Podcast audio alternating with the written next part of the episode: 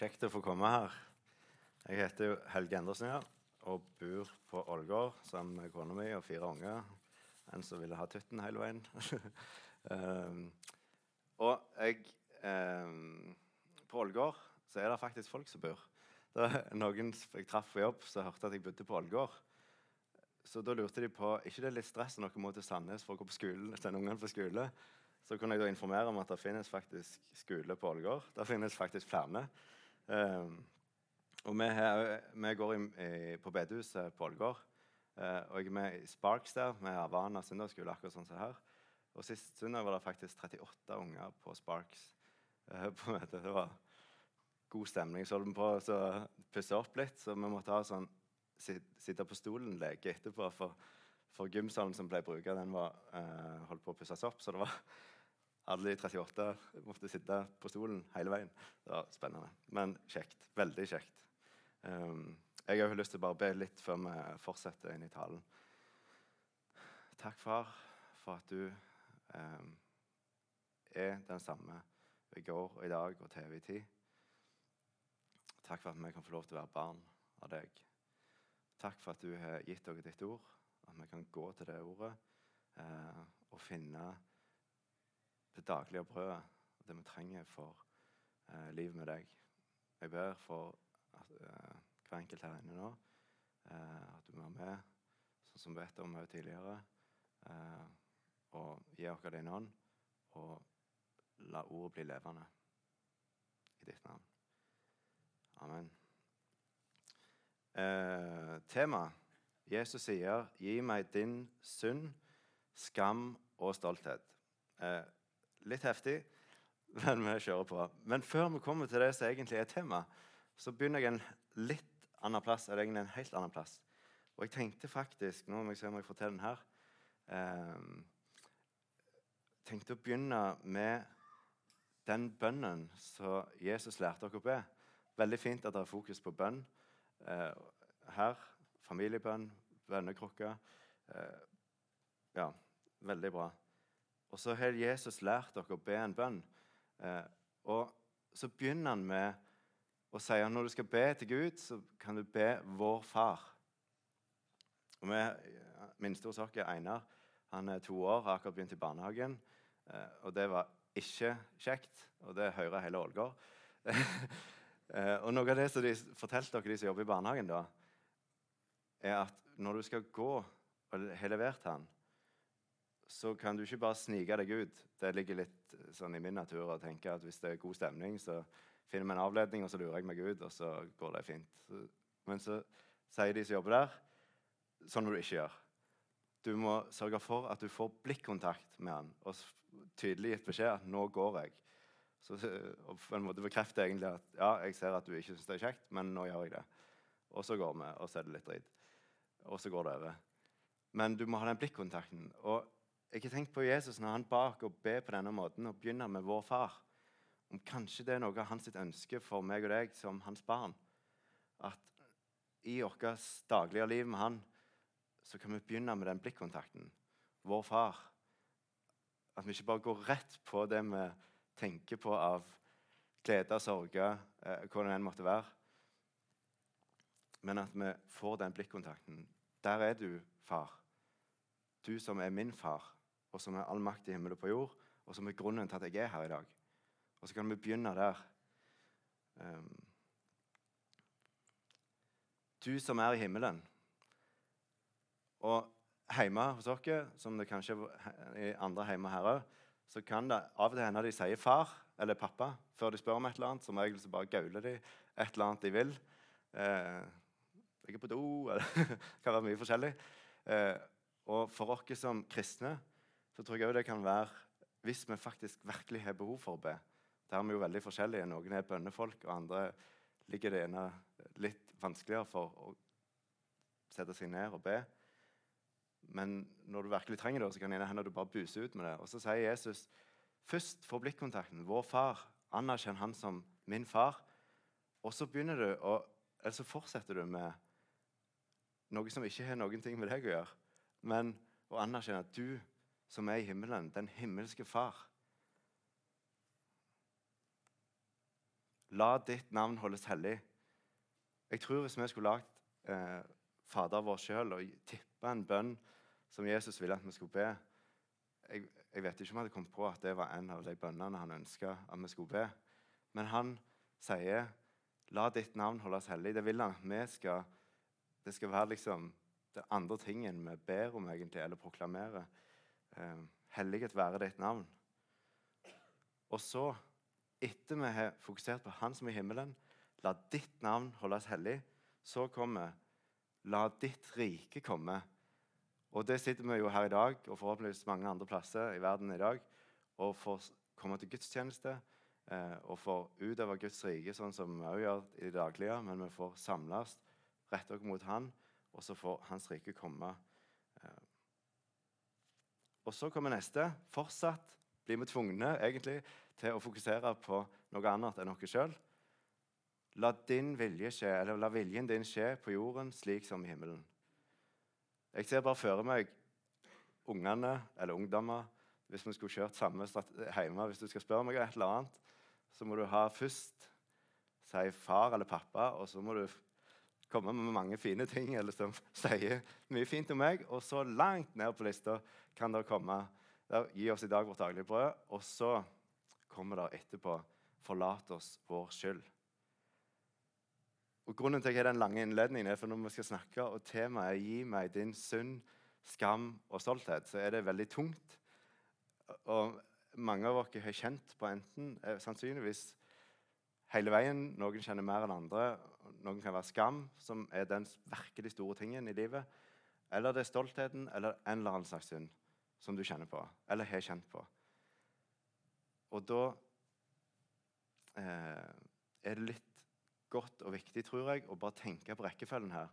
Ja, det er viktig at vi kommer til Jesus med det, men vi er helt nødt til å starte en annen plass. Med blikkontakt med far, som bryr seg, og som er hellig, og som eh, et rike som skal komme på jorda, i oss eh, og i de som er rundt oss. Også at vi tar til oss føde, er tydeligvis òg viktig for han, før vi får komme med og be om forlatelse for vår skyld sånn som vi òg forlater, sånn eh, vi forlater andre skyldnere. Våre skyldnere. Eh, så da har jeg ei dame her som står og ser oppover. Og det er mitt poeng før vi leser teksten for dagen. Gud, eller Jesus, ønsker at vi retter blikket oppover.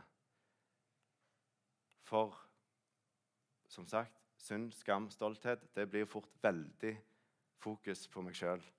For det er mange ting vi kan se på i oss sjøl som er ikke sånn som vi skulle ønske. Og vi kan høre en tale om synd, skam, stolthet og kjenne Ja, kanskje vi ikke kjenner det, men kanskje vi kjenner det. Ja, det er noe hos meg som ikke er sånn som det burde. Og så blir det veldig nesa ned og inn og meg. Eller kanskje vi blir veldig de andre. Jeg vet jo at hun, jeg vet jo at han Det passer veldig godt på de andre, og så er det litt vanskelig å se på seg sjøl, for den, eh, det blir for vanskelig å se på seg sjøl, kanskje. Men han ønsker da at vi skal være retta oppover. Blikket retta oppover. Og Det tenker jeg hele høsten når dere snakker her i misjonssalen om gi til Jesus. Eh, så kan jeg tenke meg det er mange forskjellige temaer. Jeg har sett eh, oversikten, men jeg husker det ikke nå. men Det kan jo være lovsanger, det kan være eh, sykdom og mange forskjellige ting. Men alltid, uansett hva vi gjør og gir til Han, så er blikket festa på Han. Som er troens opphavsmann og fullender.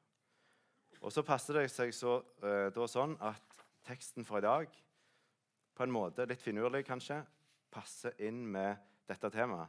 Så, og det er, det er vingårdssøndagen i dag.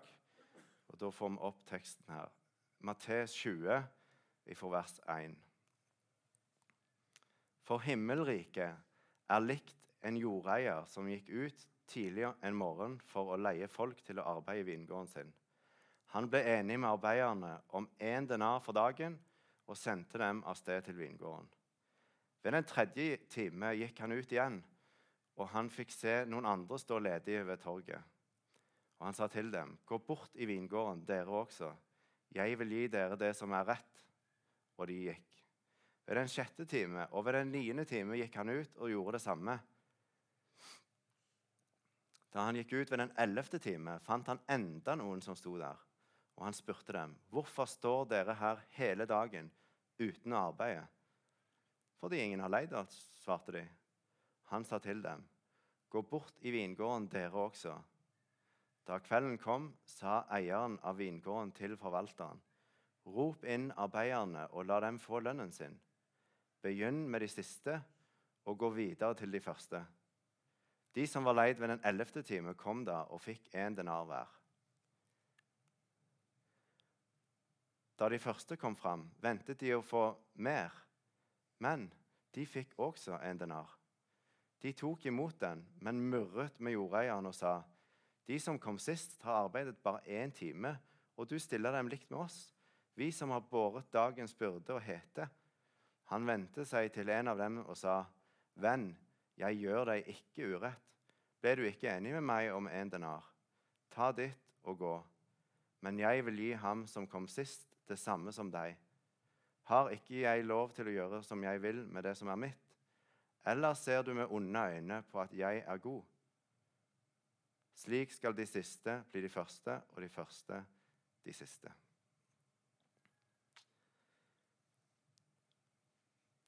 Når vi hører den teksten, jeg tror faktisk det er en av de mest plagsomme tekstene som fins i hele Bibelen. hvis Jeg skal være ærlig. Jeg husker da jeg var liten og satt på møte og hørte noen leste den. Så tenkte jeg bare hva i alle dager er dette her slags opplegg? Um, og jeg fortalte til ungene bare sånn Nå skal jeg fortelle en historie som Jesus fortalte. Hva tenker dere om den? Og så bare fortalte eh, sånn grovt det som vi leste nå. Og da kan dere kanskje tenke hva responsen var at det var urettferdig. Veldig urettferdig. Men utgangspunktet for denne teksten, når han snakker om lønn eh, og sånn, det er faktisk noe som eh, står i kapittelet før, kapittel 19. Så er det snakk om en rik mann som hadde vanskeligheter for å ta imot Jesus, for han måtte gi avkall på rikdommen sin. Og Så sier Jesus til disiplene.: Sannelig sier jeg dere, det er vanskelig for en som er rik, å komme inn i himmelriket. Ja, jeg sier dere, det er lettere for en kamel å gå gjennom et nåløye enn det er for en rik å komme inn i Guds rike. Og Det er bakgrunnen for denne teksten. Og så vil jeg tro at disiplene kanskje hadde den, det veldig i bakhodet. Penger, en som er rik, vanskelig å komme inn i himmelens rike. Og så går han videre på det her og snakker om tjeneste eller arbeid, og så får du ikke samme lønnet. Og da tenkte jeg det ville sett veldig, veldig rart ut i 2023 nå måtte jeg tenke litt, 2023, eh, om noen gikk i protesttog for dette som han egentlig snakker om her. Vi krever lik lønn for ulikt arbeid. Det klinger ikke så veldig godt. sant? Du blir fryktelig plagsomt å være han som eh, står på, og så er det noen som ikke gjør noen ting, og så får du akkurat samme lønn. Og så er det jo motsatt. Vi må jo få lik lønn hvis vi jobber likt. Viktig. Og så kommer Jesus. Lik lønn for ulikt arbeid.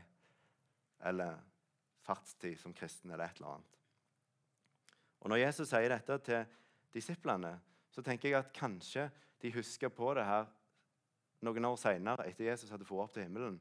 Og Paulus ble en kristen, han som hadde forfulgt de kristne og vært ei stor plage.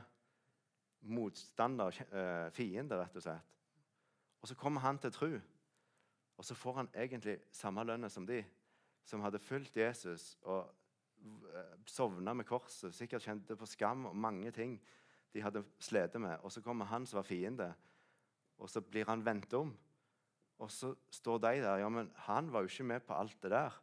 Skal han liksom ha noe å si? Jeg tror det var kanskje veldig vanskelig for noen av disiplene å forstå. Jeg vet ikke. Men jeg har lurt på hvorfor Jesus eh, sier denne lignelsen. Og jeg tror, jeg tror det handler om at lønnene som jeg og du får når vi tar imot Jesus, det er nettopp den blikkontakten med far som han, Jesus ga seg sjøl i døden for at du skulle bli fri fra alt du går og strever med, og som alt som kom i veien for blikkontakten med far. Han ser deg, han har skapt deg akkurat sånn som han ville ha deg. Og, og ingenting kan egentlig hindre han i å holde sitt blikkontakt med deg, men han trenger at du ser på han.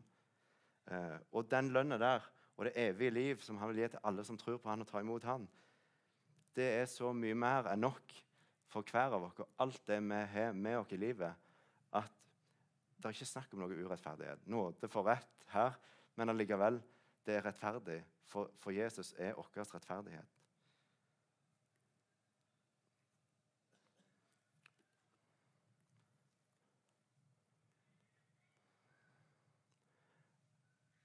Og så da tenker jeg litt på når vi er i en menighet, Misjonssalen, bedehuset på Ålgård, uansett hvor det er, så kjenner vi nok kanskje på det fra tid til annen. Her har det vært en heftig jobb over mange år. Prosess med å flytte fra Sandnes sentrum, Herte. Jeg kjenner litt til en del av det. Mange kommuniteter, mye arbeid. Og det er ekstremt mye godt arbeid som skjer her. Det jeg, hører jo bare når jeg hører her på alt det som skjer. Og det er jo helt fantastisk. Men da kan jeg tenke at det som kanskje kan skje da, eh, som kan henge sammen med teksten i dag Jeg hadde litt forskjellige bilder på type arbeid, eh, tjeneste, for vi er forskjellige. Det som kan skje, som kanskje kan være en sånn ødeleggende ting i mitt, deres forhold til Gud, til Far, som vi er her for At det kan snike seg inn en sånn stolthet i livet vårt. Eh, jeg har tross alt, og da tenker jeg litt sånn som på disiplene, som hadde vært med Jesus på godt og vondt og dreide seg ut, alt sånn, så kom Paulus litt sånn på slutten der fikk en stor opplevelse som de kanskje ikke hadde fått. De ble bare kalt med stranda. Så fikk han den litt urettferdig. Og så kan det være sånn i en menighet òg at det er noen som for med forskjellige evner noen som drar lasset og drar lasset og drar lasset, og noen som ikke gjør det. Og Det kan være veldig gode grunner for det, for vi har forskjellig utrustning. Noen har tjenester som er mindre synlige. Men da kan stoltheten av og til komme inn og ødelegge litt for livet som Jesus gir oss. Og det kan ta kanskje fra oss litt av gnisten. Jeg sier ikke at det er sånn her, for jeg kjenner ikke hvordan det er nå. Og det kan være helt forskjellig fra person til person. Men jeg tror av og til stoltheten som kan skje, komme inn i livet vårt, kan bli som en klamp om foten i livet med Gud. Det samme kan være med forskjellighet, ikke bare i tjeneste, hvem som gjør hva, og hvor mye og ofte. og så videre og sånn. Men det kan òg være på hvem som har forstått hvordan det egentlig skal være. Det kjenner vi til, ikke for å rippe opp i det, men i misjonssalen for mange år siden når vi hadde spor og elleve møter Det begynner å bli noen år siden jeg jobber her, så det er ikke alle her som kjenner til det. Men vi er i en sånn situasjon på Ålgård der vi er to forsamlinger eh, med litt forskjellige folk, litt forskjellige tanker om ting. Og Da kan det være så lett at vi kan komme der at vi er jo forstått det. Så håper vi bare at de en dag ser lyset. Sant? Og så må vi treffes i ulikheten og søke enhet. Men sånn kan det være i en menighet òg. Det er helt sikkert veldig, like mange tanker om misjonssalen som det der folk har i dag, og ting som vi kan pirke på oss andre. Og så må vi selvfølgelig søke sannheten.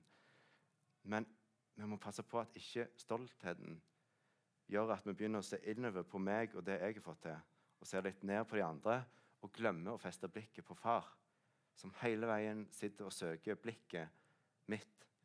Og Hvis vi ser i samme retningen, så er det så mye enklere å jobbe sammen. Og Jeg lurer på om litt av det Jesus ønska, var at disiplene skulle se det. Ikke fokuser på ulik arbeid, ulik fordeling av oppgaver. Sånn. Dere er forskjellige men lønnen er den samme, og den er veldig god, eh, den lønnen som vi får. Så vi inviteres hermed i dag til å legge stoltheten, hvis vi kjenner på det, som kanskje kan komme i veien, ikke bare i forhold til Gud, men i forhold i et ekteskap, i familie. Hvor mange ganger er det ikke stoltheten som stopper eller skaper problemer? Jeg vil iallfall ikke. Det er jo han eller det er hun eh, på jobb, uansett hvor det må være. Og så hvis vi ikke er villige til å legge den stoltheten til Jesus, som tar den, så ødelegger det mye.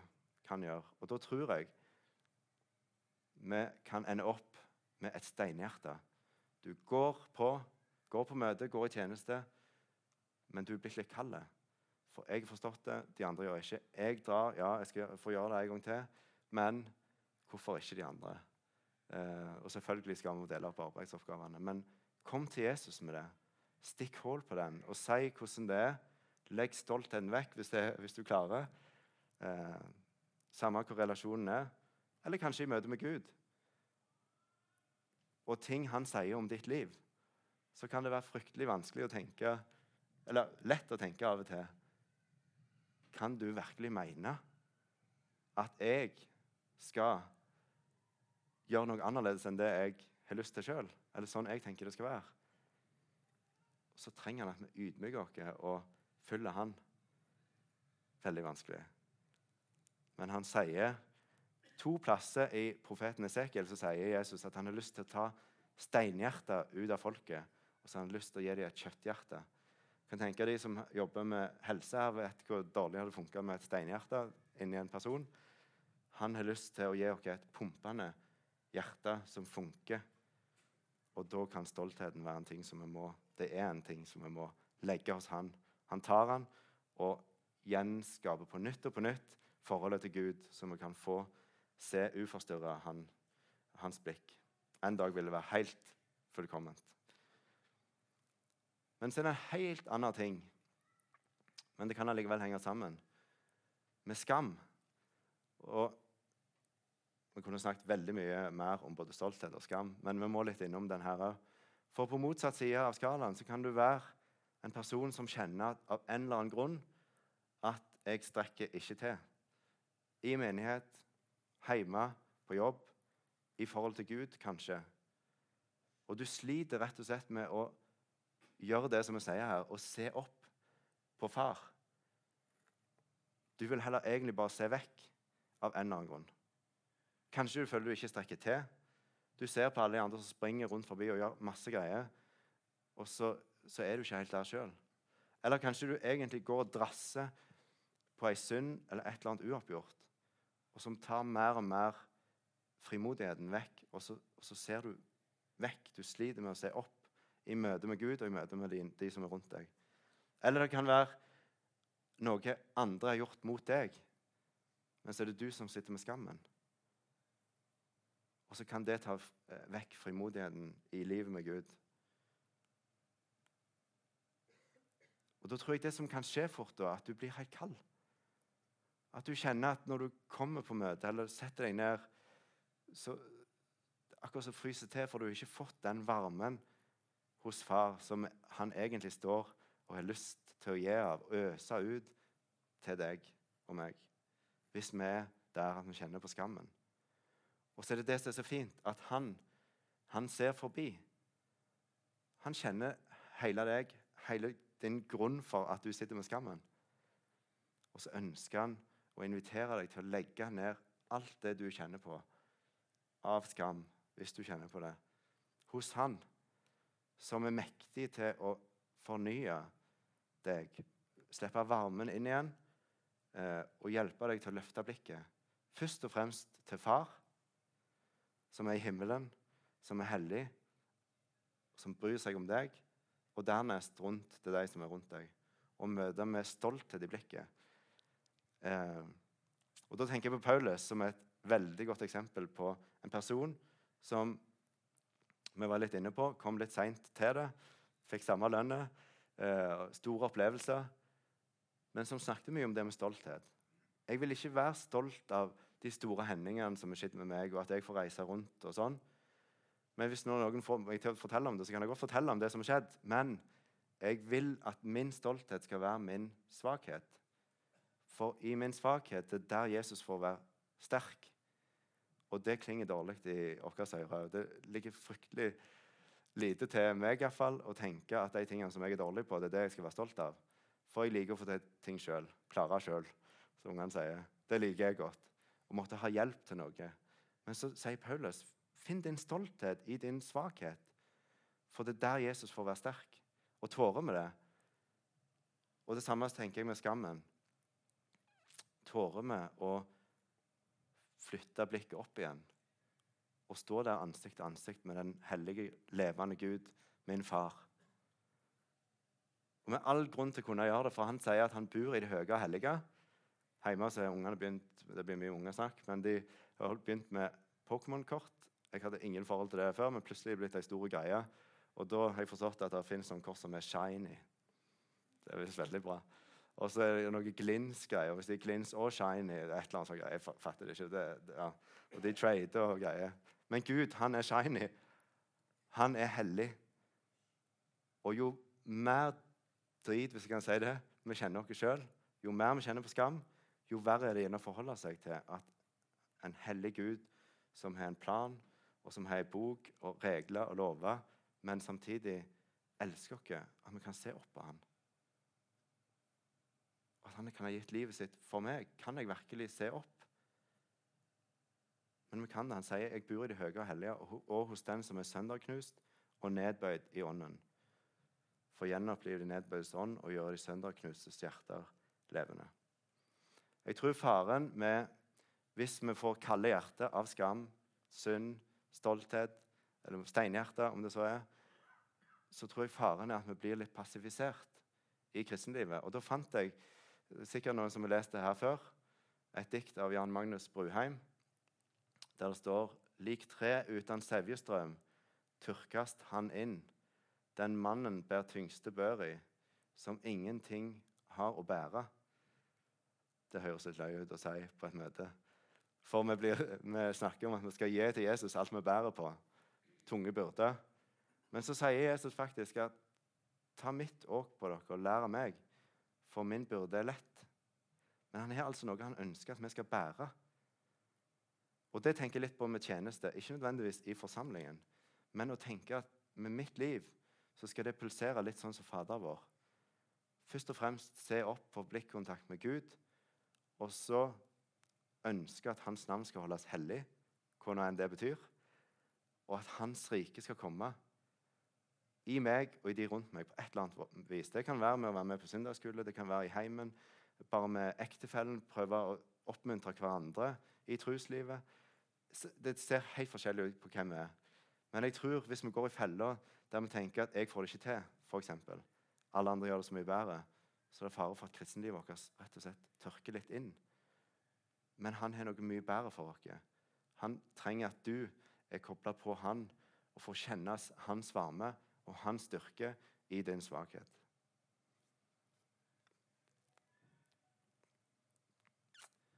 Det var egentlig det jeg ville si i talen i dag. Jeg har lyst til å bare be litt til på slutten.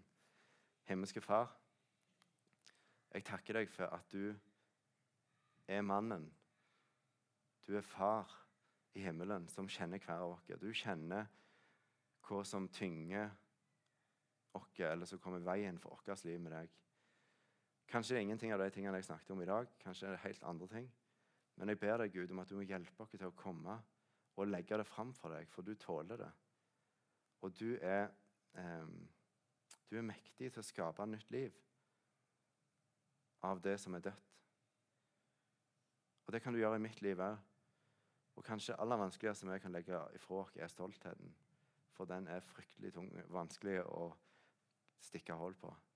Enten det er i forhold hjemme med familie eller på, på, jobb eller i forhold til andre som går i menigheten med, eller samme hva det måtte være. I forhold til deg, Gud, ikke minst.